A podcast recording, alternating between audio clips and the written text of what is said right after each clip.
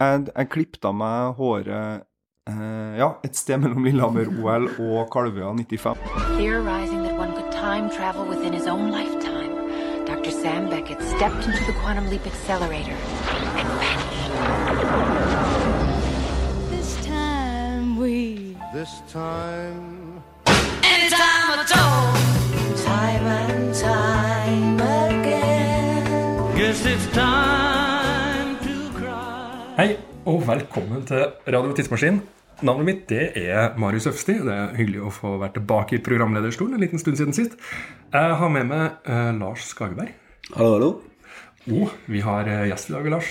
Eh, En gjest som vi har ønska oss i Radio Tidsmaskin ganske lenge. Eh, og så passa det veldig bra akkurat nå. Eh, velkommen, Jonas Sjubakten. Tusen takk for det. Anledningen er jo at eh, John Doe feirer 15-årsjubileum for Ja takk til trøbbel på Byscenen om eh, ja, to uker fra når du hører det her. To, 15 dager, for å være veldig nøyaktig. Hvis du som lytter da hører det her når det kommer ut med en gang. Og det gjør du selvfølgelig. Spent? Ja, jeg, jeg gleder meg, først og fremst. Skal jo spille hele debutskiva fra A til Å i den rekkefølgen som de satte opp på plata. Og det må jeg si, det er en rekkefølge jeg ikke har forholdt meg særlig stor grad til de siste 15 årene. Så det var litt overraskende å se hvordan vi faktisk har, har bygd Tenkt. den plata. Ja, tenkt, ja. ja, ja vi greit å se helt hvordan vi har tenkt. For jeg syns det virker litt rart av og til, men ja, det blir spennende. Ja. Eh, Vi har jo eh, Vi har jo spilt noen av de her låtene de siste tre-fire årene òg. Men så er det flere som vi aldri spiller, liksom. Ja. Eh, Så det blir jo den største utfordringa. Blant annet en, en ballade som er med på den plata. Jeg har jo hørt mye på John Doe de siste par ukene. Eh, Ja. Vi skal jo snakke om det om i neste uke. Eh, Men jeg så jo på, på Facebook eh, med deg sjøl. Ja. Har jeg mista kom? Ja, ja, ja. ja. Eh, så, så trekker du fram liksom beste låt og dårligste låt, og det er jo denne balladen. Og det tror jeg må innrømme, det er den eneste låta jeg skippa gjennom liksom hele John Doe-katalogen. Ja. Den skjønte jeg ikke helt poenget med. Nei, også den var liksom eh, Den heter jo Høyt spill, og den var veldig sånn out of character for oss eh, allerede da. Og så har den liksom bare vi, vi gikk jo aldri i en sånn retning. Det ble, det ble jo aldri sånn. Eh, så jeg tror den balladen Jeg tror den balladen ble til fordi Sony Music eh, dro inn noen strenger. Vi var signa på Sony, da. Ja. Og det måtte være Det måtte være pent og flott. I hvert fall på én plass da, på den plata. Uh, uten at jeg vet det, da, men vi hadde jo ikke laga noe ballade når vi kom i studio. Når vi gikk ut derfra, så hadde vi plutselig laga en ballade. Vi skal, vi skal snakke mer om John Dove og Sony og, og Ja takk til trøbbel og resten av diskografien eh, om en eh, liten ukes tid. Men først så skal jo du få lov til å ta med oss til 1994. Ja. Ja, det er med skrekkblanda fryd, vil jeg si. Hvordan husker du 1994 sånn generelt? Jeg husker jo at jeg var på OL på Lillehammer, selvfølgelig. Eh, så jeg har langt hår. For at eh, Det husker jeg fordi jeg har sett et bilde fra OL på Lillehammer der jeg står, ser et eller annet skirenn med, med veldig langt hår under eh, lua og en veldig sånn stygg 90-talls allværsjakke. Men det lange håret føler jeg at liksom eh, det, det, det indikerer at jeg, at jeg hadde noen musikalske verdier en eller annen plass. da. Altså Det var det var et, lite, et bitte lite symbol der, Ja. midt i eh, hele Lillehammer-straightnessen, liksom. Men eh, jeg har jo sett på, vi har jo sett på, på, på de låtene du har plukka, og det er jo noen mønster i det.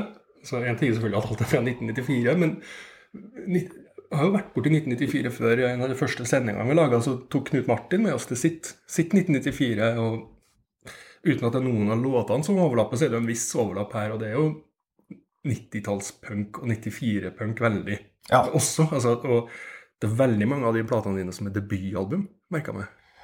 Ja, det har jeg faktisk ikke tenkt på, men det tror jeg du har rett i, ja. Ja. Ehm, ja, og Jeg har jo begrensa meg til bare låter som faktisk ble gitt ut i 94, og som jeg vet at jeg hørte på det året. Du- Det er det mest dogmete Ja. til nå, ja. faktisk. Ja, ja, jeg har prøvd å være skikkelig streng, da.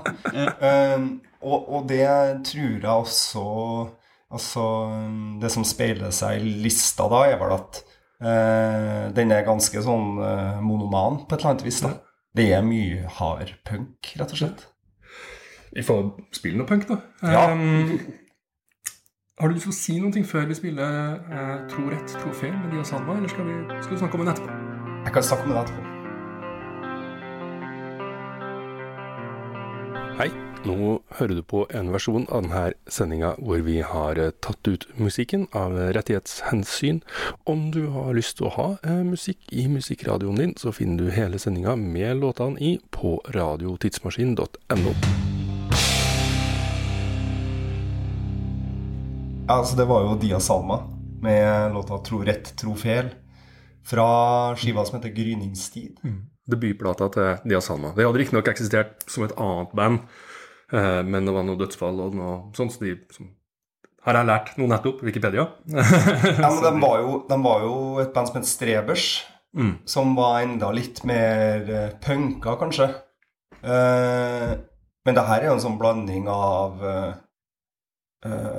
litt sånn norrøne eh, og, og, og litt sånn Arm Maiden-aktige riff, egentlig. Som uh, Med sånn religiøs tematikk, Ja, antar jeg. Ja. tro rett, tro feil. At det har noe med det her, det her handler om ideologi og dramatikk og sånne ting å gjøre.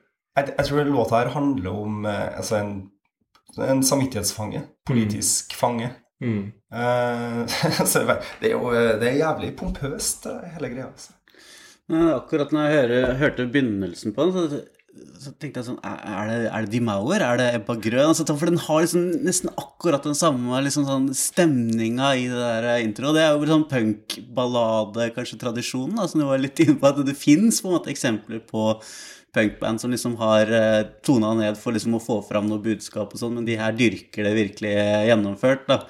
Det er også noe med, med svensk punk, da. Den derre som er sånn, den der punk-vise-komboen, eller linja, som du har i Sverige. Alle svenske punkere vet at de skal bli visesangere. Ja, ikke sant? Ikke sant? Sånn at de, det, det, er ikke noe, det er ikke noe farlig å bli gammel punker i Sverige for at du bare lager viser istedenfor. På et Ja. annet tidspunkt. Ja, ja, ja. Og, ja, men alle de store svenske, liksom Winnerbäck, Sundstrøm, eh, Tåstrøm, ikke sant. Det er jo et sted mellom punk-viseskalaen de alltid har befunnet seg. Ja, det er det. Ja.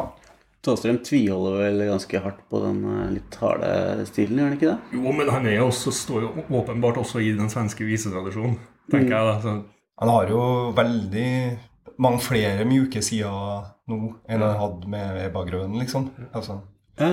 um, men ja, jeg tror, jeg tror det er helt rett. Altså, de er jo Men de, de tar det jo også veldig seriøst. Allerede her på den plata fra 94 så tar jo Dia Salma det veldig seriøst og skriver ordentlige sanger da, og sånn sånn historiefortelling. Altså Teksten er jo helt sjukt viktig.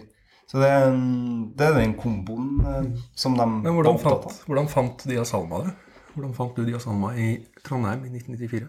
Ja, jeg er nesten sikker på at eh, jeg har sett uh, Dia Salma-CD-en, som det sikkert var, da. Eh, som, som det var. eh, på Ivar Matlaus bokkafé på Uffa. For eh, jeg begynte å gå på Uffa på konserter i 93. Og da var jeg litt sånn sporadisk og stort sett livredd når jeg var her. Jeg var, var 13 år, liksom, og hadde kjent ingen som var, var bare for musikken, egentlig. Og mamma kom og henta meg på burene klokka tolv, for da måtte jeg hjem. eh, og det var, det var pain in ass, fordi konsertene på Uffa starta halv tolv, liksom. Det starta aldri tidligere. Bra da, punk, da. De fleste konsertene varte sikkert i 33 minutter. liksom. Ja, ja, mista de siste tre låtene. Altså, jeg brukte, å, jeg brukte å komme dit sånn i ti-halv elleve-tida, husker jeg, og så bare gå rundt og bare håpe at de jævla konsertene begynte snart. Stå i det trange scenerommet der og håpe at det, det var noen som gikk på. Men, eh, så, men da kunne man jo gå på Ivar Matløs bokkafé, som lå i det lille rommet ved, ved sida der, og så se på platene. Og da plukka man jo opp eh, masse tips. Så eh, ja, jeg tippa at at jeg liksom eh, så coveret der, eller et eller annet sånt. Tiltalende cover. Eh, minner jo om sånn Endless Summer. Det er den der eh, deilige, deilige vibben, liksom, på, på coveret. Men er det Altså, det er jo eh, Hvem er det den personen som står der i en slags flosshatt? Altså, er det Er det skjelett? Ja, er det døden, liksom? Ja, det er Det en sånn Grateful Ja, det er Dead-skjelett ja, med flosshatt. Og... Det er ganske lite bilder vi har. Vi bøyer oss over her i studio. eh. Men ja, det er, den midja der er et skjelettmidje. Men jeg antar at det ser ut som det er et annet form for maleri de har plukka fra svensk kunsthistorie. Da, sikkert. Ja, det kan godt være. Hadde ikke overraska meg. Um, et, stykke, et stykke unna eh, annen debutplate, faktisk. Ja. Eh, NoFX sin eh, Punk in Drublic. ja må det, jo være en av de beste platetitlene. det, det er jo fantastisk. Men det er jo ikke debutplata. De hadde jo eh, den De hadde flere før. Det her er bare rota i notatene mine. Beklager. I hvert fall White Trash, Two Ibs and a Bean og den der eh, SNM Airlines det, og, ja. Jeg tror det er flere. Ok. Flere Ja, før der. Uh, men, det, men det her var vel Så vidt jeg vet, så var det liksom den store gjennombruddsplata deres. I hvert fall internasjonalt. Mm. Tror jeg. Hvorfor skal vi høre akkurat den låta her? Uh, for det er den beste låta på plata, syns jeg. Eh, og så har den en Det er jo Laurie Myers vi skal høre. Ja. Den har en sånn her perfekt miks av den dramatikken som du også hørte i Dia Salma. Altså det, det er litt sånn eh, Det er litt melankolsk og mollstemt, og så går det sjukt fort. Ja. Eh, og på et tidspunkt så var det det eneste som gjaldt for meg. At det skulle gå så fort som det der. Og alt annet hørtes helt latterlig dårlig ut. Hvordan var det å høre henne? Jeg syns fortsatt det der er jævlig bra. Jeg kjenner at jeg, når jeg hører at det her er bra musikk. Jeg tenker jo Når du har plukka den her liksom fra 1994, skatepunk, på, på Epitaph også eh, Det var jo et par andre ganske store plater som kom ut, f.eks. på Epitaph, i den sjangeren her. Altså Offspring sin eh, Jernteppe, har jeg helt glemt hva den heter. Den som solgte Ja, så mange millioner. Smash, ja. Mm. ja. Mm. Solgt massevis av millioner på Epitaph. Og, og Green Day sin Dookie. Begge de kom jo også i 1994. Så det var jo liksom skatepunkens definitive kommersielle gjennombrudd. ja, Eh, det var det. Og eh, jeg var opptatt av både Offspring og Green Day, altså. Eh, og Green Day var vel kanskje den første låta vi covra sånn skikkelig med, med John Doe, som, som eksisterte da òg. vi gjorde Basket Case på Ungdommens kulturmønstring. Det var antagelig i 94, da. Eh, det var neppe før. Nei, det var ne- neppe før, ja. Um, Men det kunne jo vært, uh, vært året etter, altså. Uh, men eh, det, det jeg sleit med Altså, jeg har eh, Jeg drev og hørte opp nå når jeg skulle lage en liste, og så drev jeg og hørte gjennom Duki igjen. Og den har jeg hørt veldig lite på. Altså, jeg kjente liksom ikke igjen låtene helt. Og, og jeg tror greia der var at det, det gikk ikke fort nok. De hadde ikke en skatebook. Mm. Jeg syns ikke det var noe bra. det, var, det var utrolig trege sanger, liksom. Så, så, og Nofix var litt sånn Det var på, sko på ungdomsskolen der eh, Jeg gikk på Sunnland ungdomsskole i Trondheim, og da var det en gjeng som var to år eldre enn oss, som var veldig inne i skatepunk. Ja.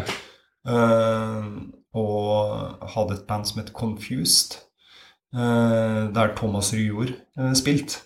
Eh, som eh, Ja, han som har vært sjef for Trondheim Calling i flere år. Som burde vært best kjent for å være vokalist i Desperado, som er et sjukt bra band. Definitivt.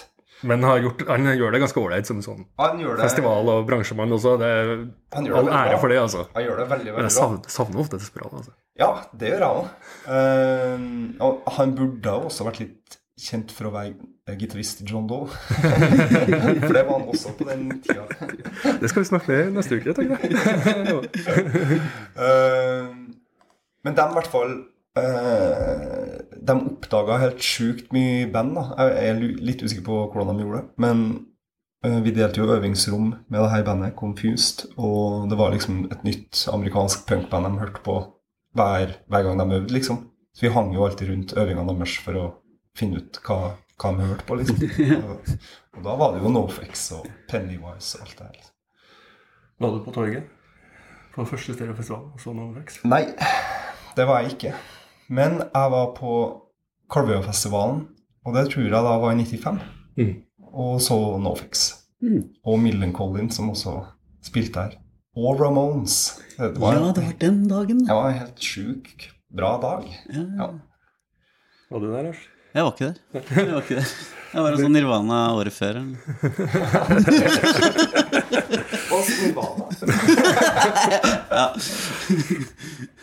Aldri, aldri vært på Kalvøya. Ja. Men, men nok om det. um, hva var det jeg tenkte jeg skulle si? Nei, det har jeg glemt. Uh, jo, jeg, skulle, jeg var egentlig bare Jeg hadde egentlig tenkt å bruke denne FX til å, en sånn overgang om egen, altså, Vi spilte på Torget i Trondheim, Ja. og det er jo ikke verdens beste konsertarena. Nei, Jeg har noen sterkt minne av å ha vært liksom, en av 20 stykker som så John Doe på Torget i Trondheim på en eller annen gratiskonsert. ja. Og jeg husker så godt hvor hardt og lenge du jobba med å få noe som helst form ut av publikum. Ja. Eh, og til slutt valgte løsningen å få liksom publikum opp på scenen. ja. Og da ble det fest. Ja. Det var, jeg, det var noe av det mer sånn imponerende showmanship jeg har sett. tror jeg. Endte jo opp med flere på scenen enn i salen. Ja, det var bare meg som sto igjen og så på det, tror jeg. Ja. ja, jeg husker jo den konserten her veldig godt. Var jo, ja, det var jo helt jævlig. Det var jo under Olavsfestdagene òg, tror jeg. Eh, mener jeg å huske, da. Eh, men da hadde vi også spilt på Storås samme året, sånn rett før. Ja. Og der var det dritmye folk. Og så skulle vi spille på Olavsfestdagene, og der var det ingen. Men jeg mener også å huske at vi fikk 80 000 kroner for det. Og det var helt sjukt mye penger for oss. Så det levde vi av to år etterpå. Men eh, skal vi stikke tilbake til Sverige? Ja. Band som jeg vet at du har uh, jobba tett med. Ja. Brandy. ja. Education for Unemployment. Skal vi ta låt, og så kan vi prate etterpå? Totally.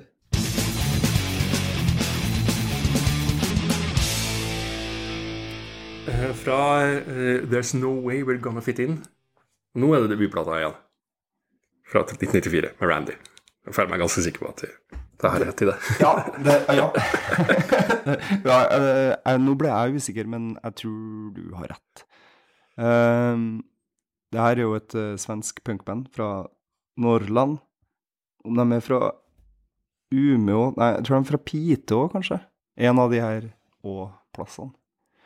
Um, og jeg husker ikke hvordan jeg oppdaga det her, men jeg kjøpte den plata her, og ble ekstremt inspirert av at det var noen uh, på en måte i nærheten av Trondheim som var så jævlig bra, da.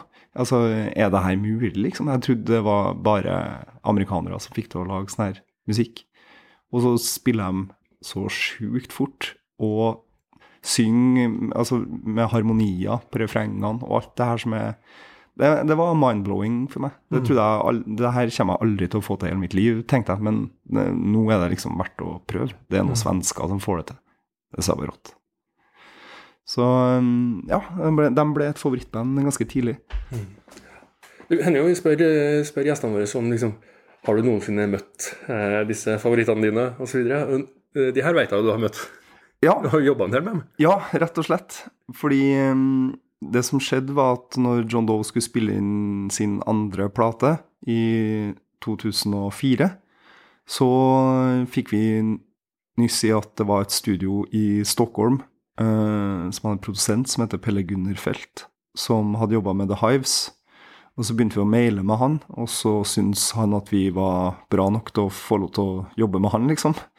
Uh, og da hadde han en assistent i studio, som da var Johan Gustavsson, bassist i Randy. Så det var egentlig de to i lag som jobba med oss på den andre skiva til John Doll. Uh, og da kom jo også hele Randy-crewet innom titt og for de bodde jo i Stockholm da. Og eh, han eh, Stefan Granberg, som, som synger i Randy, han eh, ja, han spiller i hvert fall gitar på noen av låtene på Pyromantikk. Eh, sånn påleggsgitar. Og så drakk vi veldig mye øl sammen. Så vi ble litt sånn kompiser, egentlig. Ja. Så dro vi på turné et år etter det, tror jeg, sammen med ham i Sverige og Norge.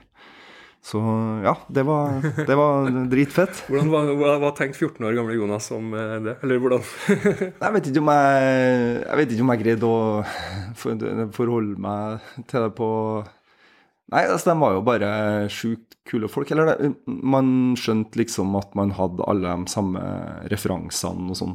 Likte de samme greiene, da. Og ja, så jo fortsatt veldig opp til dem, så jeg hørte jo veldig godt etter når de snakka om hva de likte, og hvordan vi burde gjøre det i studio og sånn. Så det var jo Jeg var jo bare Jeg vet ikke hvor gammel jeg var, 23 da. Ja.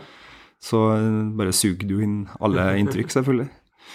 Um, og så fortsatte jo Randy de ga ut De har gitt ut masse, masse bra plater. Uh, men nå har det jo dabba veldig av. Har ikke hørt noe fra dem på, på lenge, altså. De hadde en sånn her reunion-konsert i fjor i Stockholm som jeg, jeg dessverre ikke kunne dra på. Eh, Men resten av John var her og hang litt med meg, og det var visst veldig, veldig bra. Det tror jeg var bra, altså. Så ja. eh, De er fortsatt eh, Han Johan, da, som spilte bass i Randy, han spiller vel bass i The Hives nå. Så de, det er litt sånn overlappinger mellom det her bandet. Men bra gjeng. Teknisk eh, info, så snudde vi mikken til Jonas uh, uh, under Randy-låta. Så når jeg hører den bedre nå, så er det tekniske og akustiske grunner til det. 180 grader snu. Det morsomme er jo at eh, hvis noen går tilbake og hører sendinga med Stian Lundberg nå, så, så er alle mikrofonene der snudd feil vei gjennom hele sendinga. Sånn at det Som John Doe-sykdom. hvem, vet? Det er noen form for Det er samme teknikeren på begge sendingene, kan man si. Du? Du, eh, har faktisk tatt med noe fra Norge også, du. Ja, har jeg det, ja. Svarte Ja. Um, jeg kan jo si litt om den først, da. Um, jeg hørte jo veldig mye på Lå jo på rommet mitt oppe i Nordslettveien, eh, der, jeg- der jeg bodde, og hørte på eh, FM-radio. eh, og en radiokanal som het Radio Rabiat. Eller Rabiat Radio, husker ikke helt. Men det var i hvert fall Uffa-gjengen sin radio. da. Og de spilte jo alltid helt sjuke ting, og så spilte de ekstremt mye Chumbawamba, som jeg hata, som er det verste jeg vet enda. Og jeg skjønner ikke hvorfor de likte det. Jeg fatta aldri, ass. Eh, Det er sånn Jeg får frysninger av å tenke på Chumbawamba, for det er sånn eh, Det er så gjøglete anarkist-pop. Forferdelig. Men, men de spilte mye bra, De spilte mye bra, og det var egentlig poenget. og en av de, en de låtene de spilte, var Svarte dauder. Eh, med ei med låt som heter Ost og rødvin.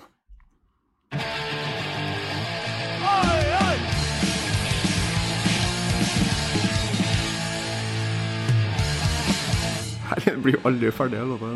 Sånn eh, 30 sekunder. Ja, fra, uh, fra uh, og kolera-EP-en, uh, som var en splitt-EP mellom Dead Garagen og Svarte dauder. Um, så vi skal over til Blitz, øh, Blitz-miljøet, da, tipper jeg. Ja Det var ikke så lett å finne ut noe om svarte dauder Nei, på og, internett. og jeg vet ikke så jævlig mye om dem heller, ass. Um, men jeg så Dead Garagens på Uffa, husker jeg. Eh, og kjøpte en sånn EP av dem, altså en vinyl-EP, som jeg fortsatt har. Um, nei, altså, det var noe med det med Svartedauder-låta. Ost og, ost og rødvin, fy faen. Og så sier han et eller annet med hippie der som han ikke liker. og det syns jeg var veldig kult, da. Du har klippet øh, det lange håret ja, ja, ja, da hadde jeg klippet det lange håret. Jeg hadde eh, et sted mellom Lillehammer-OL og dette her. Ja, fak faktisk. Jeg, jeg, jeg klippet av meg håret eh, Ja, et sted mellom Lillehammer-OL og Kalvøya 95. For Kalvøya 95 husker jeg kom, kom tilbake til Trondheim med helt sånn klorbleika, gulhvitt hår. Husker jeg. Litt påvirka av Green Day, da. Ja, ja, ja. ja. Det var nok det. Eh, men det var også noe med Nei, altså At deler av uh, punk punkgjengen eller altså Hele punk-ideen å liksom ta så sterkt avstand fra langhåra hippiekultur, liksom, Mm. det syns jeg var uh, av en eller annen grunn veldig, veldig rått. Syns det var det tøffeste i verden. Å være, ha kort hår plutselig. Ja. Du er jo uh, Vi er jo vi er jo alle omtrent like gamle. Sånn, eh, eh, mellomst her blant oss. Eh, og jeg har vært- Ja, ja, Det ble matematikken, tror jeg. Skulle ikke- Tenk bare ikke å oute deg så direkte. Ja, det er meg. Men, eh, men jeg er i hvert fall gammel nok til å ha litt sånn eh, så vidt hippieforeldre. Så de var liksom Ja. 18 i 68, begge to. ikke sant? Sånn at Ja. de, det var sånn hippie light, da. Og kanskje mer SF, eh, politisk aktiv og Nei til atomene og alt sånt.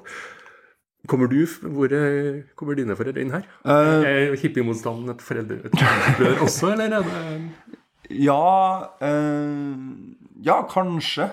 Uh, jeg, har egentlig aldri sett på faderen som en hippie, men jeg har sett bilder av en der han har langt hår, liksom, på 70-tallet. Mm. Uh, og ja, selvfølgelig. altså, de, de var jo på på en måte sånn på venstresida politisk, t- tror jeg, nesten sikker på. Eh, eh, og vi hadde sånn Vi hadde mye vømmelplater. Eh, ja. Men ikke noe sånn eksplisitt opprør, da, åpenbart, siden du driver og graver her. Nei. Eh, nei, egentlig ikke. Men jeg vet da faen hva jeg gjorde opprør mot. Det Det var jo kanskje heller et opprør mot et eller annet i meg sjøl eh, som gjorde at jeg i årene forut for når jeg virkelig oppdaga punken, at jeg hadde eh, trodd at det var liksom eh, 70-tallsmusikk som var det aller feteste. Altså sånn Jimmy Hendrix og Janis Joplin og sånne ting. Som jeg trodde var så hardt og så rock'n'roll det kunne bli, liksom. Eh, og slengbukse og alt det greiene der. Og, og bruktklær fra Fretex. Eh, men så skjønte jeg på et eller annet tidspunkt at det gikk an å og ja, eh, det fantes hardere og bedre ting. Da. Apropos eh, langt hår og slengbukse fra Fretex. Eh, neste låta var definitivt den liksom mest positive overraskelsen i bunken din, som jeg ikke har forventa.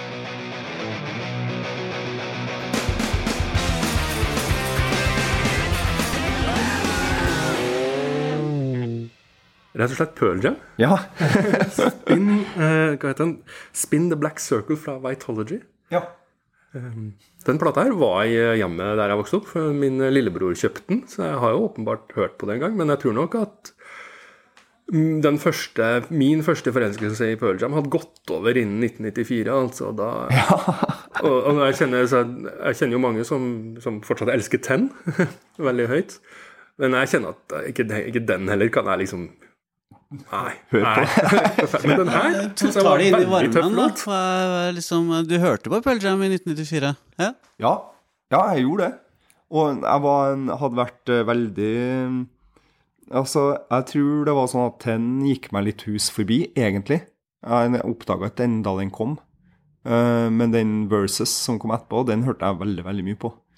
Og den, den liker jeg enda, mm. den dag i dag, egentlig. Eh, og så kom jo denne her, og da var jeg egentlig ferdig med Pearl Jam, jeg òg. Jeg, var- jeg syns ikke det er så veldig mye annet bra på den plata her. Men jeg husker jeg kjøpte den låta der på CD-singel.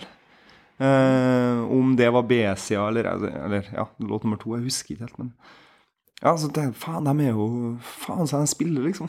Ja, det er jo dritt. Det minner sånn, høres sånn som vi, vi snakka om gikk, sånn en boogie, boogie rock eller boogie punk eller sånn, litt sånn kunne Ja. vært Backstreet Girls eller, Ja, eller ja. John Doe. Ja, ja, det kunne vært det. Det er sånn tre grep og det er, Men med litt sånn oppteft og litt sånn swing, ikke sant? Sånn at, Ja. sånn- Framoverlent. Det, Ja, veldig. veldig. det ligger en sånn derre eh, Ja, det ligger jo en sinne og et sånn her eh, rastløst sinne i, i punk generelt. Altså, hvorfor tror du det treffer liksom eh, 14-åringer? Kan du ha gjort deg noen refleksjoner om det? Liksom? Nei, eh, nei, si det. Men det er jo det vel det Det vel en alder der man er litt sånn på, på søken, da. Og kanskje litt frustrert også. Eller det er, det er en sånn transportetappe. 13 til 16 år på ungdomsskolen, liksom. Du, det er jo bare noe du må bli ferdig med, så ser du for deg at det er noe jævlig mye bedre ut der et annet sted hele tida, ikke sant. Og så ja, går du, går du bare og venter på det. blir du sintere og sintere, og så drikker du heimert. og hører på Pearl Jam.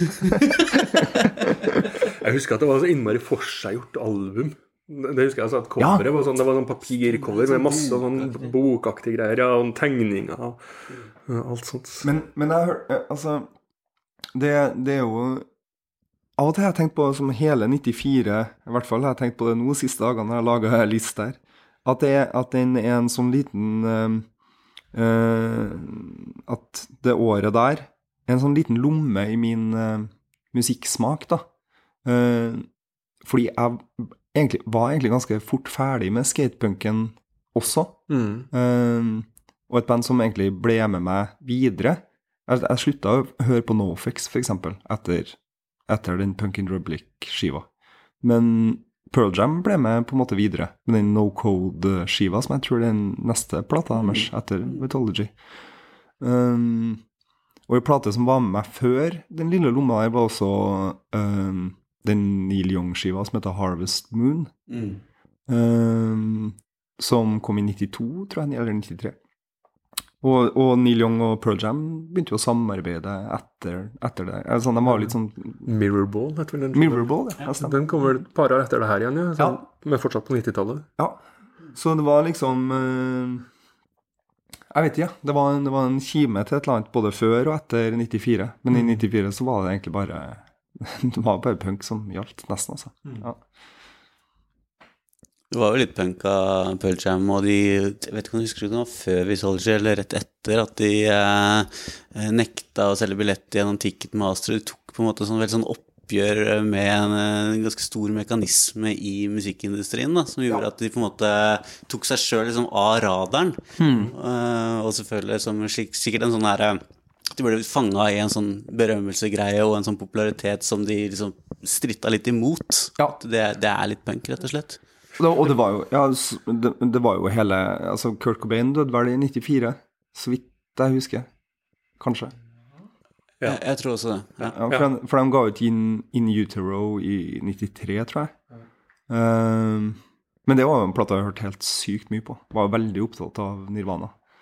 Og i 94 kom jo den der Unplugged-skiva til Nirvana som fikk så sykt mye oppmerksomhet. Men det var jo ja, In Utero syns jeg er deres klart beste plate. Jævlig tøff. Han er det, altså. Jeg har hørt mye på han. Veldig, veldig tøff. Ja. Sånn ordentlig eh, bandlyd. Ja. Det er jo mange av de her altså, det er jo mange av de her eh, miljø, altså, Sånn sett så er jo Pearl Jam helt i tråd med resten av, av de tingene du har plukka. fordi at eh, greit, så var de på tror det var på Epic, sånn sånn sett. En Sony-label, hvis jeg ikke husker helt feil. Eh, men, de- men de kommer jo fra et åpenbart litt sånn et musikkmiljø med en etos, ikke sant? Det her er Seattle-miljøet. Eh, og så har du plukka en god del ting som er knytta til Epitaph. Mm. vi skal eh, videre på. Og det samme eh, liksom Burning Heart og, og svensk 94-punk. sånn at alt det du har plukka i dag, har en eller annen sterk tilknytning til den typen eh, labler og eh, musikkmiljøer, da. Mm, mm. Men, det var, men det var jo også Det, det var jo var bare 14 år, så var det, jeg var jo ikke en del av noe miljø i det hele tatt. Det var jo bare en sånn drøm, en drømmeverden ut der, et eller annet sted, der alt det feite foregikk, liksom. Så det var jo det man, man gjerne ville være en del av, men som Ja, det eneste måten man kunne bli en del av de greiene her på, var jo å prøve å spille i band og lage et sånt miljø sjøl, som vi prøvde å gjøre på Sundland, da, på ungdomsskolen. Og ja, det greide vi nå, bare til en viss grad. Men, men det ble, vi hadde noen jævlig fete konserter. Vi laga jo bandrom på Sundland, og ja, sammen med Confused og Thomas Ryhr og den gjengen der, så hadde vi jo punkekvelder i bomberommet, husker jeg. Passende. Men nå, nå har vi ikke spilt noe svensk på eh, flere minutter. Veldig rart. Mr. Clean, tell me, is that really you? I wonder what you've done to become so big and dumb, but I know you can.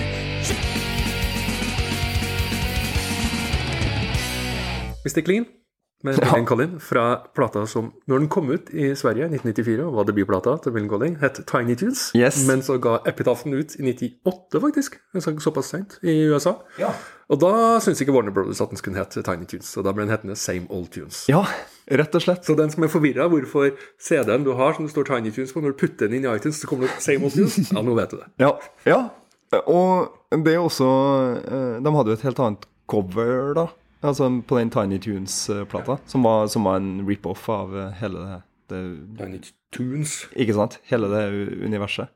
Um, så ja, den, den har jeg liggende et eller annet sted. Jeg digga Millen Collin, ass. Jeg, så dem faktisk igjen nå på Stereofestivalen.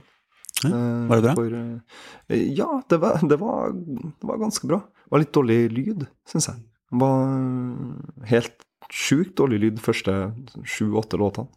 Og så kom Mr. Clean, og så slutta jeg å tenke på lyden, antagelig. Mm. Da var det bra. Så det var ikke dårlig lyd med enn tre-fire minutter, da.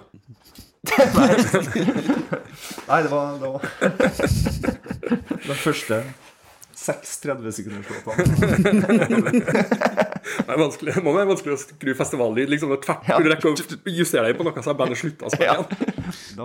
Så det var forskjellen, da, den store forskjellen mellom Stereofestivalen nå i år og Kalve, og oppleve de på Kalve da i 95. Hvordan kan det beskrives, liksom, eh, din deltakelse som publikummer? Nei, altså øh, På stereo nå så øh, sto jeg ganske langt fram, eller sånn midt i. Og det, det jeg la merke til da eller, Det var sykt mye folk som jeg kjente i 94, som var her, som nå er like gamle som meg. Som er ja, fra 38 og oppover, liksom. Eh, med litt sånn de samme De samme kepsene. Det er sånn van, vanskepser, eller sånn etnis, eller alle skatemerkene. Men veldig sånn komfortable allværsjakker i tillegg. Sånn nor norrøna klær ellers. Så det var liksom Det var samme crowden eh, som var kanskje, var kanskje ikke like dårlig vær i 95. Nei, i 95 var det jo bra vær. Det, det mener jeg å huske, da. Men, eh, men Men du hadde jo ikke gått i allværsjakke i 95 uansett jeg, jeg, jeg husker når det regna jeg, jeg tror faktisk at det regna en gang på Kalvøya i 95 òg, at vi hadde sånn eh, svartsekker, sånn søppelsekker, over oss. Det var liksom så komfortabelt vi kunne kle oss uten å miste ansikt, liksom. Så folk blir eldre, ja. Millencolin har jo også definitivt til skatepunk til å Ja. tatt navnet sitt fra et triks. Ja, har de det? Det det sto i hvert fall det på Wikipedia. Det var litt fra Melancholy, Sad Air. Jeg kan ingenting om skating, så, aha, Aha. så Jeg har aldri skjønt hva navnet deres betyr. Eller jeg, Nei, Svensk Wikipedia hevder fy faen. Bra. at det er etter, etter skatetrikset Melancholy, parentes Sad Air, parentes slutt. Ok, ja, ja, bra. Sad Air. Jeg liker navnet. Melancholy. Ja, ja. Veldig tøft. Sånn, det er kanskje ikke noe vits i å lage et engelsk bandnavn når du allerede har engelske låter, sånn som en del eng- svenske band gjør. Nei, Men, men i så fall så vil jo Sad Air. Men hvor kommer Millen fra? Millen altså, Det er jo en sånn skriving av Melancholy. Ja, det, er, det har jeg skjønt, men er det et, er det et ordspill på noe? Melancholy? Neste gang. Men i 1994, da, jeg antar at det var ikke vanskelig å oppdage Millen Collin for den som var interessert i punk og skatepunk i Trondheim Nei, da? nei, det var jo ikke det. Eh, jeg husker ikke akkurat hvordan jeg eh, Hvordan jeg oppdaga Millen Colin, egentlig. Men det jeg husker liksom fra, fra ungdomsskolen, var at uh, i alle friminutt så var det alltid noen som uh, hørte på, på sånn Discman, ikke sant. Og så eh, var det mye, var mye snakk om liksom, ja, Hør den her, da. Hør den her. Og så jeg husker jeg han som spilte tromma i John Doe, som het Børge, som var den første som hadde den Punkin' in Republic-CD-en. For jeg hadde fått tips fra noen som var eldre, om at det var bra. Og da var det sånn ah, Få høre, få høre Linoleum en gang til. Nei, nei, jeg skal høre på det nå, liksom. Nei, nei, få høre den en gang til. da. Bare så her, sånn idiotdiskusjoner i gangen på ungdomsskolen. Så ja, eh, det var sikkert eh, Noen må ha tipsa oss om det der. Begynte i hvert fall å høre på. Litt rart at ikke, de, eh, at ikke det var noen som fant opp den koblinga. At ikke den spredde seg, den der, eh, den mini-jack-greia. Sånn at man kan ta ut to headset fra liksom de eh, type Walkman sånn som man hadde før. da Jeg tror jeg hadde en sånn på rundt 1994 et sted, altså. men jeg, jeg vet ikke om jeg hadde noen venner, så da ble det jo litt Hadde minijack, men ingen venner.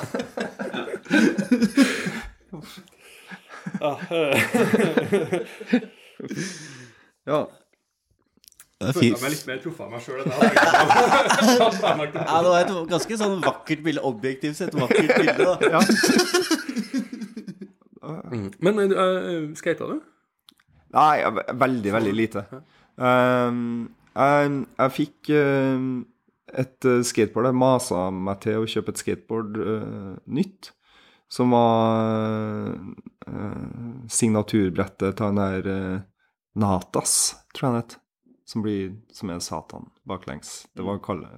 Nei, nei, det var ikke uh, Nå kommer jeg på det. Det var Lester Kasai, var det. Uh, kjent skater fra California. Uh, og fikk lov av faderen å kjøpe det sammen med uh, trøkka, Independent Trucks.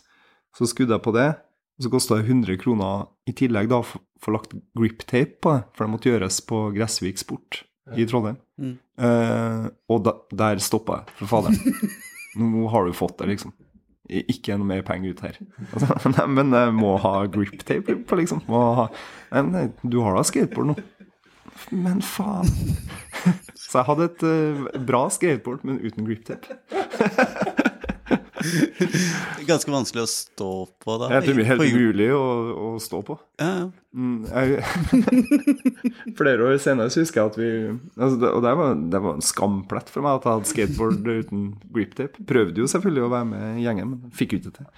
Så noen år, år etterpå så husker jeg vi sammen med en kompis laga en sånn her kortfilm, eller hva faen det var. Vi drev og for rundt i borettslaget og filma med et kamera. Og da helte vi white sprit på det skateboardet og tente på det. Og da, det ser veldig tøft ut. Den filmen skal jeg finne. Det var, da følte jeg liksom reetablert min ære i borettslaget. Men ja, eh, vi har jo kretsa litt rundt Epitaph i dag. ja. er jo en, en bauta på Gurowitz og Epitaph. I, i, hvis du snakker 1994, så er det jo en bauta.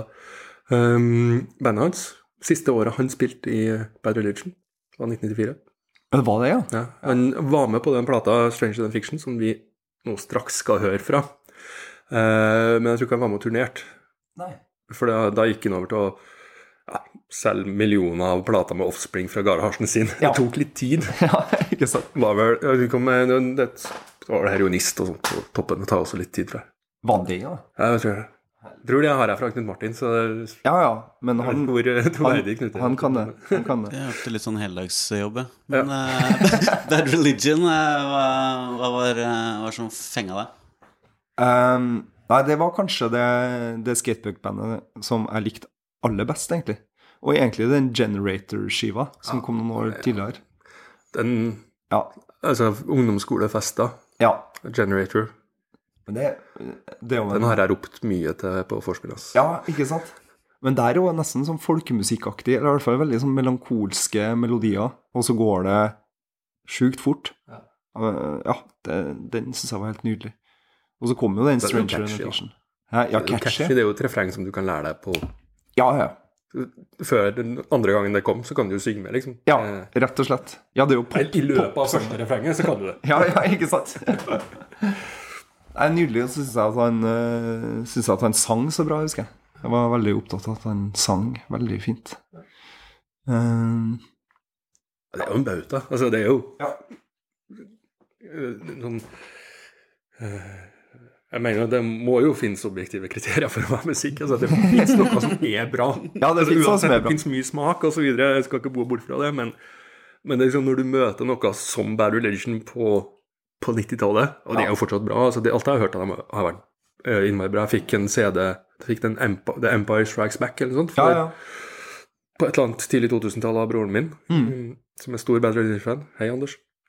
Uh, den er jo også dritbra. Så det er jo et band som, så vidt jeg vet, alltid har vært bra. Rett og slett. Jeg, jeg så dem aldri live når de var liksom på høyden, men jeg så dem for eh, tre år siden, i, da jeg var i Berlin. Spilte de der plutselig. Så da for jeg og så det. Og det var Da var Det var sånn dad rock, ass. Og han eh, vokalisten, han, eh, han er liksom eh, Det er så akkurat som du ser for deg en sånn her Ja, American Dad. Med litt sånn løse Sånn, sånn kjørebukser, sånn chinos, på en måte. Og T-skjorte og litt, litt stor, og så hadde han briller. Og eh, veldig lite hår. Litt hår på sidene. Men de brillene hadde han i en slags sånn strikk, da, så de ikke datt av. Men de var, de var fortsatt bra. De har spilt kjempebra. Eh, eh, um, Fredrik Strage, svensk journalist, har en fantastisk podkast som heter Hemma hos Strage, som alle bør høre på hvis, når, sånn imellom hver uke, når de ikke hører på Radio Tidsmaskin. Eh, Jeg husker han hadde Teddy Bears i studio, og de hadde liksom nettopp da spilt debutskiva si om igjen uh, på en sånn fest, eh, på en sånn konsert, ikke sant? Sånn, sånn reunion-greier. Og, og de snakka om når de hadde liksom øvd den inn, så sa de liksom Shit, så fort det går, liksom. Og så tenkte jeg hvis vi bare, det blir jo mye bedre hvis vi spiller litt saktere. Da svinger det litt mer. Ja. Men eh, nei, kan ikke gjøre det. Nei, Kan gjøre nei, det. Men det kan vi ikke gjøre. Nei, men jeg tror uh, Ja. Eh, Jeg tror man oppdager et par ting altså, som man burde ha, burde ha tenkt på da. Jeg tror de konkluderte med at tross alt når de først fikk det ut til publikum, så var det helt riktig at det gikk så fort som det gikk. Ikke sant? Sånn at det Ja, var var det ikke det de sa? At det nesten var det de trengte? Altså, De fikk det ikke helt til liksom, til å sitte så kjapt i øvningslokalet, men når de kom foran publikummet, da var det liksom Da var de så på at da, da kom det litt av seg sjæl. At det Ja, gikk ja. så fort som det hadde gått. Ja. Nei, det blir jo spennende å se hvordan vi, vi skal løse det her, da. Eh, Men, men eh, var egentlig fra andre plata til John Dove fra 2004 og utover, så ble det en sånn her kjepphest for meg at ting ikke måtte gå for fort. Ble helt uh, Jeg føler vi møtte veggen i forthet på den andre plata vår. For når jeg hører på den etterpå, så bare Hva i alle dager, liksom? Altså, må jo gå an å senke tempoet ett hakk. det er helt sjukt. Jo, Uten at vi skal forgripe neste ukes sending, så eh, tenker jeg at du har kanskje glemt det. Jeg skal ikke si at du har glemt det, men eh, hvis du liksom tenker at fra, fra Ja takk, eller fra, særlig fra, fra Rastløs rock'n'roll, så går liksom tempoet ned på de tre første platene. Ja. Ja. Og så går det jo oppover og oppover igjen på de tre siste igjen. Da. ja, gjør det. Jeg tror nok eh, at, at en del låter på Skandinista og Sosialt liv som er ganske mye kjappere enn liksom imellom. Ja. Jo. jo Men ikke har- alt, ikke alt som går så fort. Nei, men du har, du har sikkert rett, ass. Uh, nei, faen, jeg trodde jo liksom jeg hadde blitt voksne og skjønt at, eh, skjønt at energien ikke bare ligger liksom i, i høy BPM, men kanskje Det, det ligger jo energi i høy BPM også. Ja, ja. Eh, Der, der også. Men eh, skal vi spille litt Bad Religion her? ja. Stranger than fiction, rett og slett.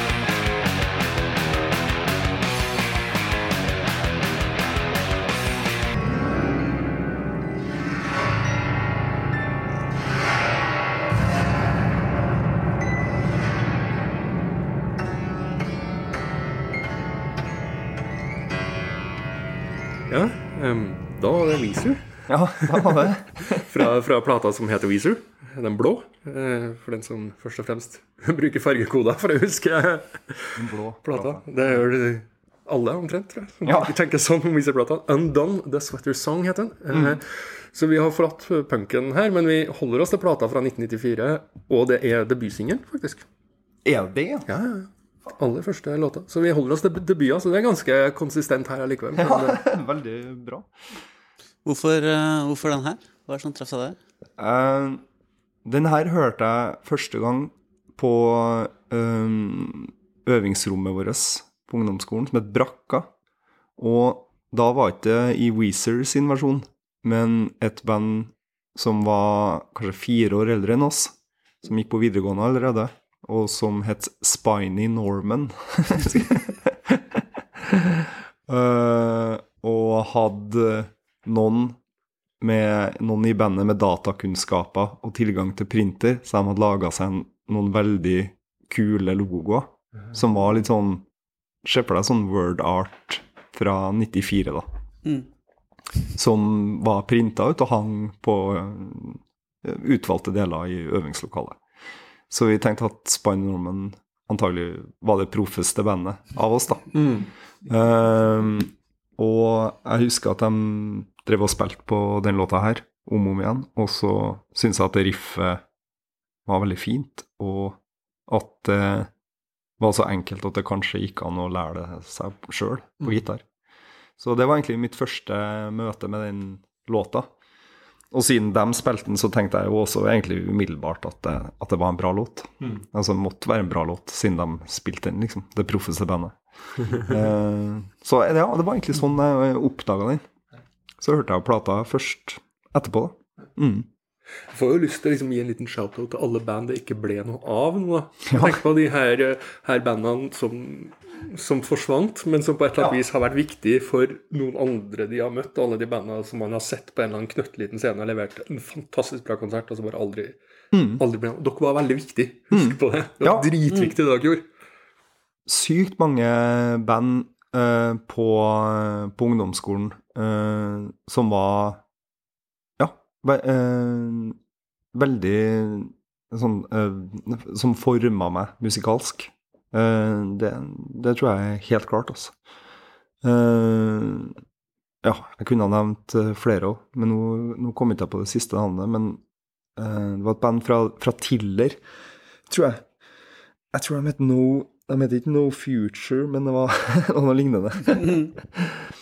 Og han husker jeg på en sånn her utekonsert på Tiller, som vi, vi dro opp dit for å, for å se dem. Og kanskje vi skulle spille sjøl også.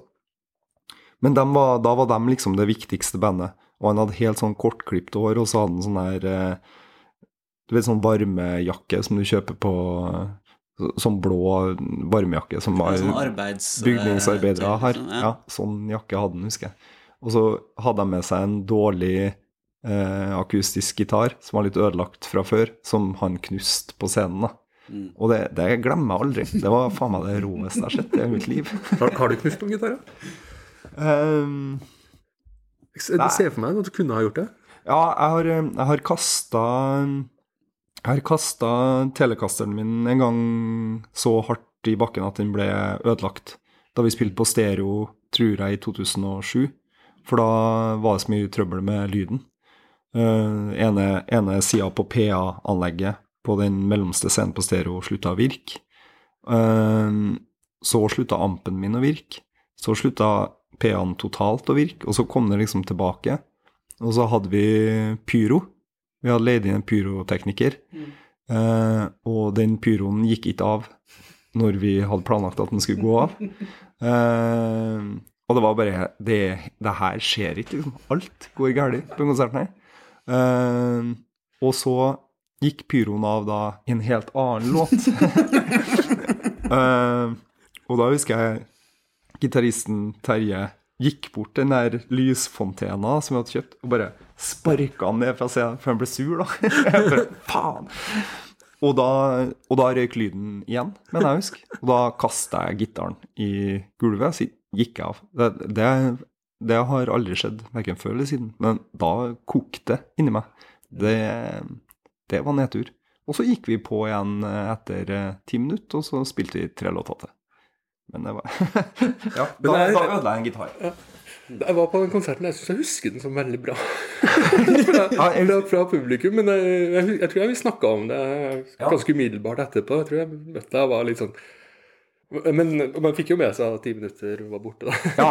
At det var ting som ikke funka. Det er jo åpenbart. Men... Ja, jeg var, my- eh, det er jo eh, mulig at, det, at jeg liksom uh, følte litt mye på det sjøl òg, da. At det her var det ting som ikke funka som vi hadde planlagt.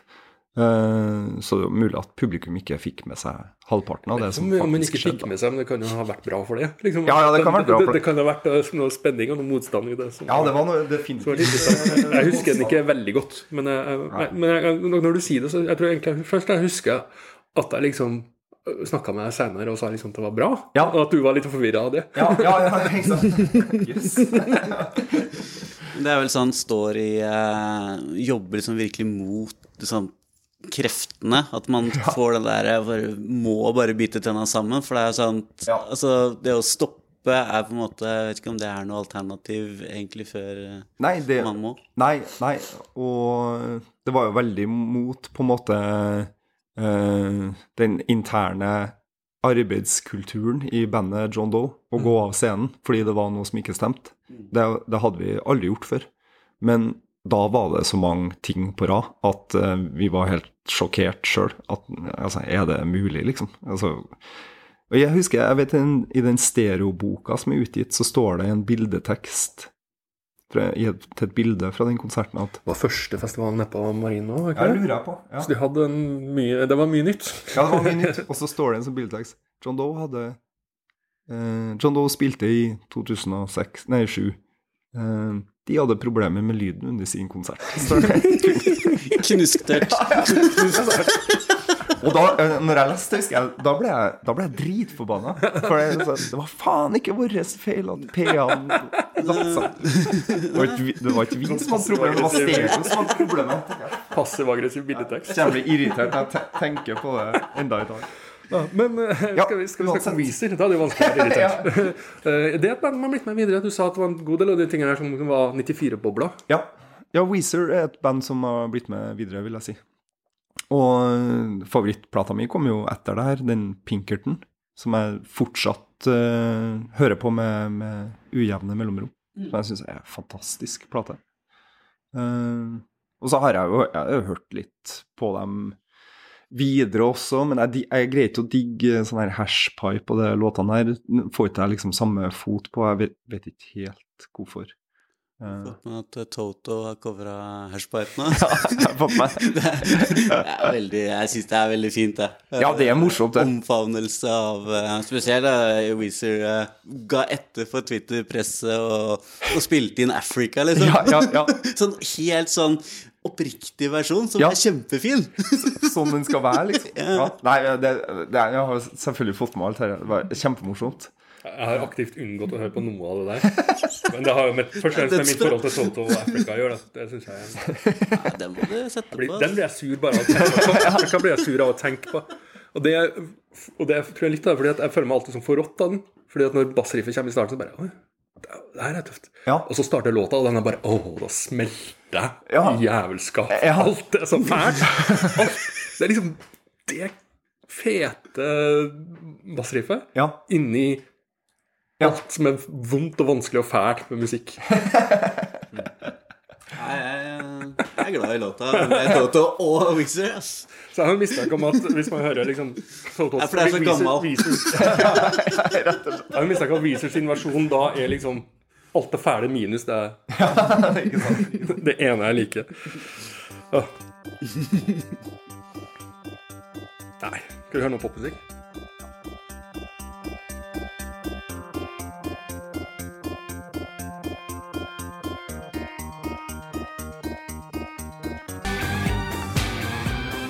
Engelsk? England? Plutselig Popmusikk? ble det Nei, britisk. Weezer er vel også popmusikk, men eh, ja, det Det var jo kanskje veldig mye av resten av verden opptatt av i 1994. Da var det jo Blur Ja. og, og Oasis og Britpop. Eh, Pulp ga ut His and Hers Ja. i 1994, som, som jeg ikke skal påstå at jeg har hørt på i 1994, men som s- starten på den gullrekka deres av klassisk popmusikk, som jeg er Ja. veldig, veldig, veldig glad i. ja. Det var ikke noe øvingslokaleslager, det her, eller? Nei. Nei, og herren, herren tror jeg nesten helt sikkert at jeg har hørt uh, uh, Altså via musikkvideoen på et eller annet program på NRK. Uh, for, jeg, for jeg mener noe å huske Nå har ikke jeg sett opp igjen musikkvideoen, men at de At uh, det er veldig sånn britisk miljø, og Damon Alburn går i en slags sånn joggedressaktig outfit. Um, treningsjakke, rød treningsjakke, mener jeg å huske at det. Men det var bare noe med det sånn Hva, hva faen er det her, liksom? Så ble jeg helt sjokkert over hva er det som foregår her? Hva slags, hva slags sang? Helt sånn mm, Ja. Helt sånn tullete låt, syns jeg at det var. Uh, og da ble, men jeg ble også interessert kanskje mest sånn i underbevisstheten. Litt sånn Ja, det her, her kan det kanskje være et eller annet. Og så mm, Ja, så begynte jeg jo å høre på både Blur og uh, Oasis, kanskje, kanskje mest Oasis, uh, i årene etterpå. Uh, for det var vel enda altså Oasis hadde vel gitt ut den der Cigarettes and Alcohol, eller hva heter den første den, Ja. De har ikke gitt ut den Definitely Maybe, i hvert fall, enda i 94. Og jeg tror det var når den kom at det virkelig breaka for meg. Mm. Ja, for Definitely Maybe er førsteplata med Cigarettes and Alcohol. Men det er mulig at de slapp singelen først, altså. Og så var det jo What's the Story Morning Glory som var liksom den der eh, store plata deres. Du har helt rett. Det, da mener jeg motsatt. For her har de gitt ut Definitely Maybe, tror Det, jeg. det kan hende, det Ja. tror jeg det har rett i. Men det er What's the Story som kommer mm, kanskje i 96, eller ish. Uansett. Ja, Litt, sånn. litt senere, tror jeg. Mm. Eh, og da, når den kom, så tror jeg at jeg liksom gikk tilbake i Oasis-katalogen og oppdaga den første plata. Sånn tror jeg det var. Mm. Um, og da ble jo britpop en, en greie også. Jeg likte jo både Oasis og Blur, så det var jo ikke noe ja, det Nei, ikke noe krig det var lov, det. Ja, ja, ja Norge var. I Norge.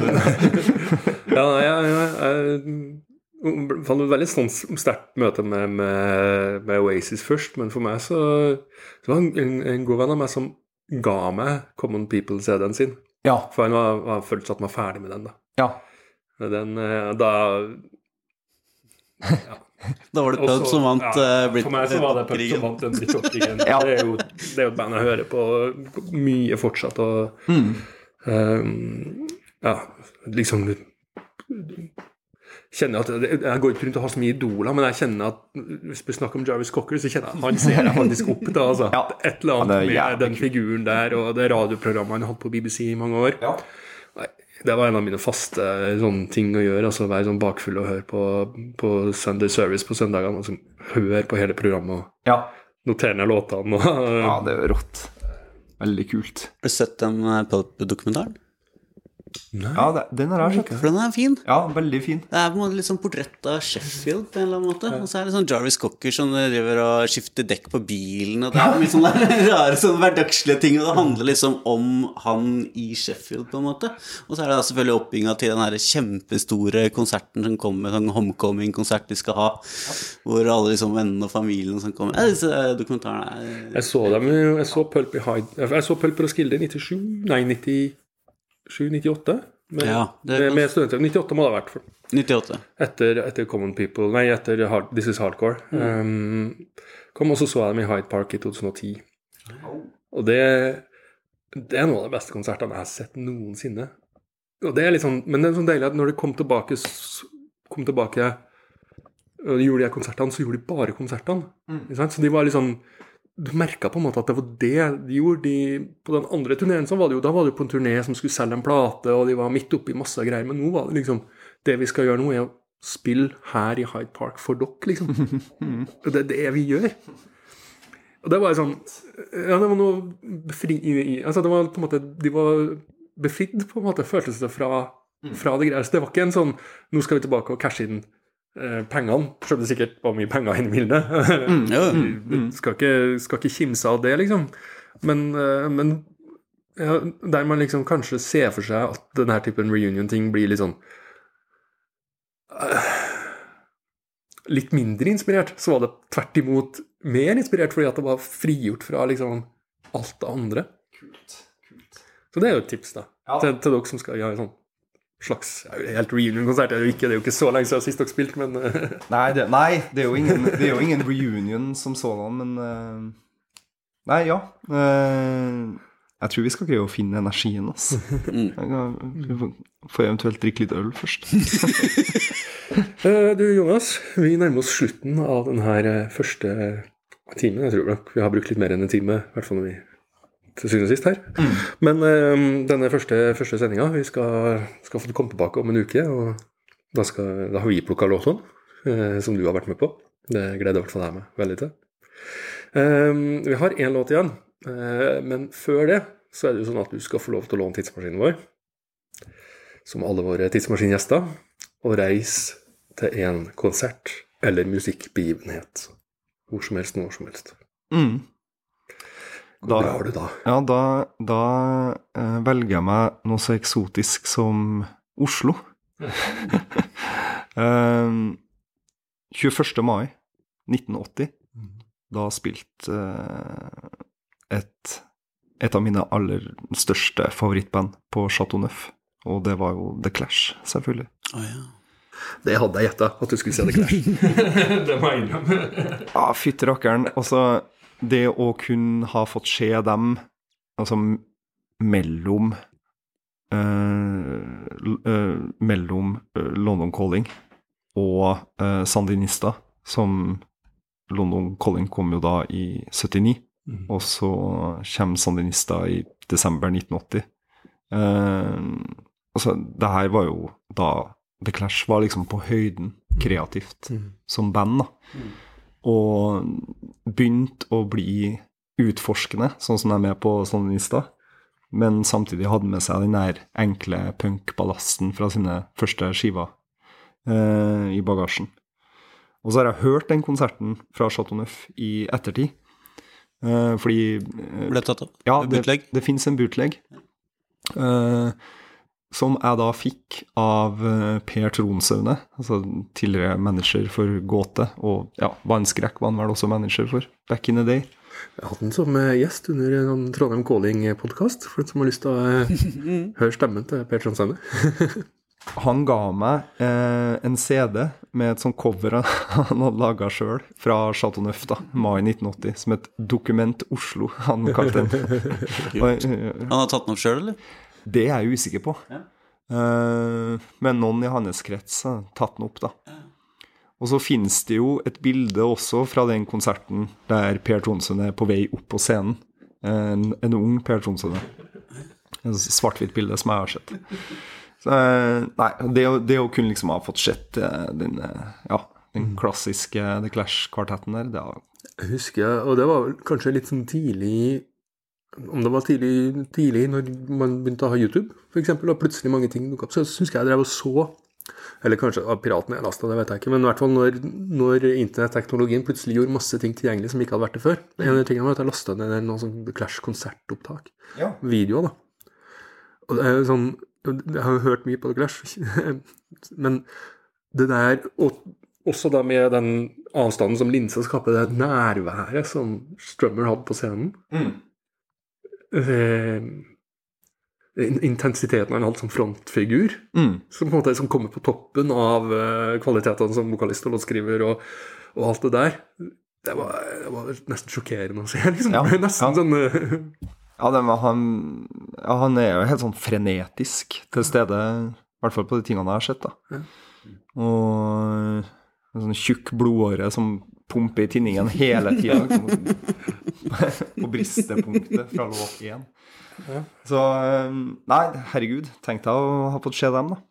Men, eh, men, eh, men sånn ble det jo ikke. Jeg var jo knapt født i mai 1980. Så ja. Det er først, eh, først de siste par årene at jeg har kjent på eh, Det er ikke så lenge siden han gikk bort. Nei. Og han var bare eh, var han 50, noen og 50. Ja, han var ikke så gammel. Eh, og da var han jo aktiv, aktiv igjen med det Mescaleros-bandet, som er ganske kult. Mm. Altså Det er ikke The Clash, men det er veldig lite som er The Clash. Og det er først de siste par årene jeg innser at For at da var jeg fortsatt sånn, da, sånn når jeg dro på Roskilde, sånn, da, jeg så ikke gamle helter. Jeg så ikke Bob Dylan, jeg så ikke Lou Reed, som er kanskje en av de viktigste for meg. Det var liksom, Jeg tok en titt, liksom. Men, men jeg, jeg så ting som var nye band. Det var de som dreiv på noe, liksom. Mm. Mm. Gjorde et unntak for Willy Nelson. Så, men sånn at der og da så var det, var liksom Det at Joe Strummer var i live, var liksom ikke så viktig for meg. sånn, fordi at det, det var ikke noe jeg, ikke, jeg tenkte ikke at jeg kunne dra og se han, liksom. Nei. Men jeg tenker jo nå at hadde han, hadde han vært i live i dag, så hadde jeg jo kommet til å sette den på en øya eller en stereo eller et eller annet sånt. ikke sant? Ja. Og det hadde jo Nå kjenner jeg på den litt sånn Ja. Faen. Det var fantastisk. Jeg lagde intro, eller lagde ikke intromusikken, de brukte musikken til et av de eh, Joe Strummer-prosjektene til den John from Cincinnati-TV-serien. Som er sånn helt nydelig intro, som er bare sånn surfebilder. Eh, Jeg husker ikke hva låta heter, eller noen ting, men det var sånn eh, Jeg sjekka ut hvem er som har den her, liksom. Og så var det Joe Strummer? Ja. Det passa perfekt, liksom. Det der eh, passe far out-serien, liksom. Men eh, han var med, liksom. Men han lagde ikke så Jeg vet ikke, Han ville ikke leve, leve på gamle bragder, han heller, virka det som. Han utfordra seg sjøl og ville, ville prøve nye ting, virka det som. Ja, det er, vel- det, er vel, det er jo et sånn sprik i katalogen hans, men ehm, Men så kom han jo med den Jeg tror det er den siste skiva han rakk å ga ut, den som heter Streetcore, med Mescaleros. Med en låt som heter Coma Girl, som er liksom Faen, den er så rå. Det er, og der er jeg tilbake til eh, ja, nesten helt sånn uh, Springsteensk eh, låtskriving, nesten. Så jeg liker å tenke at han kanskje var på vei liksom litt i den retningen, da. Da tror jeg han har kommet til å skrive flere massive sanger. Ja, det er litt sånn det jeg, jeg kjenner på. Han kunne ha blitt, eh, kunne ha blitt gammel med stil, han altså. Ja, ja, definitivt. Faen, altså. Uh, vi, Faen, Joe! Nei, vi skal prøve å runde av den her. Du har ei låt eh, igjen, og da er vi jo tilbake i trygg havn. For det er en ny Epitaph-utgivelse. og det er vel Kan vi kalle det her også skatepunk, kanskje? Eller baseballpunk? Det er Ja, den siste ja. plata til denne her frontfiguren før han slutta fordi at eh, den her profesjonelle baseballkarrieren hans tok for mye tid. Det stemmer. Jeg Yes. stemmer faktisk det. Uh, nei, det, er, det er i hvert fall uh, veldig amerikansk. Og, og det er fra 94, og jeg, jeg digga det bandet. Ten Foot Pole. Uh, Men jeg tror det er det eneste bandet som du har tatt med som jeg aldri har hørt om før. nei, ok. Mm. Så, så da blir jo litt sånn hvor, hvor, Hvordan fant du Tenfold Pole i 1994? Nei, jeg, For Det kan ikke ha vært like lett å snuble over som Bad Religion og Melancholy. Jo, men, men eh, Nei, det, det var nok eh, sikkert ikke. Men det var jo øh, Det ble jo et sånn ekstremt dypdykk i Epitaph-katalogen, rett og slett. Altså, altså alle, og, og etter hvert altså Burning Heart Records fra Sverige. Og så også Bird Nest, som ga ut uh, Charta 77 og de bandene der. Og Dia Salma, vel. Mm. Så eh, etter hvert så eh, Man hørte jo på alt som kom fra de labelene der, eh, egentlig. Og da oppdaga man nye ting. Så eh, det var Ten Foot Pole var kanskje ikke aller mest kjent av de her bandene, men eh, ja, det var, det var sykt mye band etter hvert. No Fun At All, eh, svenske No Fun At All, og så var det No Use For A Name. Og så eh, Coffin Break var jo litt sånn tidlig, de var fra Seattle. Uh, ja, sånn band som var litt mindre enn Offspring, da, men som var bedre, stort sett, da, egentlig. Ja. Så ja. Er det baseball-tematikk i eh, musikk? Hva er det vi skal høre, da? Er det My Wall? My Wall, ja. Ja. Det er en plate som heter Rev. Nei, jeg, jeg, jeg, jeg, jeg vet ikke. Jeg aner ikke. Den, eh, den går bare helt sjukt fort og. Ja, det, da sier vi takk for oss eh, i denne uka her. Eh, vi ses igjen neste uke. Um, hvis du, kjære lytter, trenger å kutte ned ventetida, så kan vi jo nevne at du har jo laga et radioprogram med oss før. Radio Skandinista var jo du og Knut Martin. Som, det var egentlig du som lagde det. Kuppa Knut Martin og laga content marketing for, for Skandinista når den kom. Og så har vi jo hatt eh, Stian Lundberg her før. Riktignok var han til 1967 og mistenker meg at han har litt annerledes musikksmak eh, enn deg både da og nå. Men eh, men eh, litt John Doe blir det i hvert fall i den sendinga. Så har vi vært i 1994 og 1997 før òg. Så bla bakover i arkivet vårt mens du, mens du venter. Eh, og så slutter vi av med eh, My Wall fra Tenfold Pole sin Rev.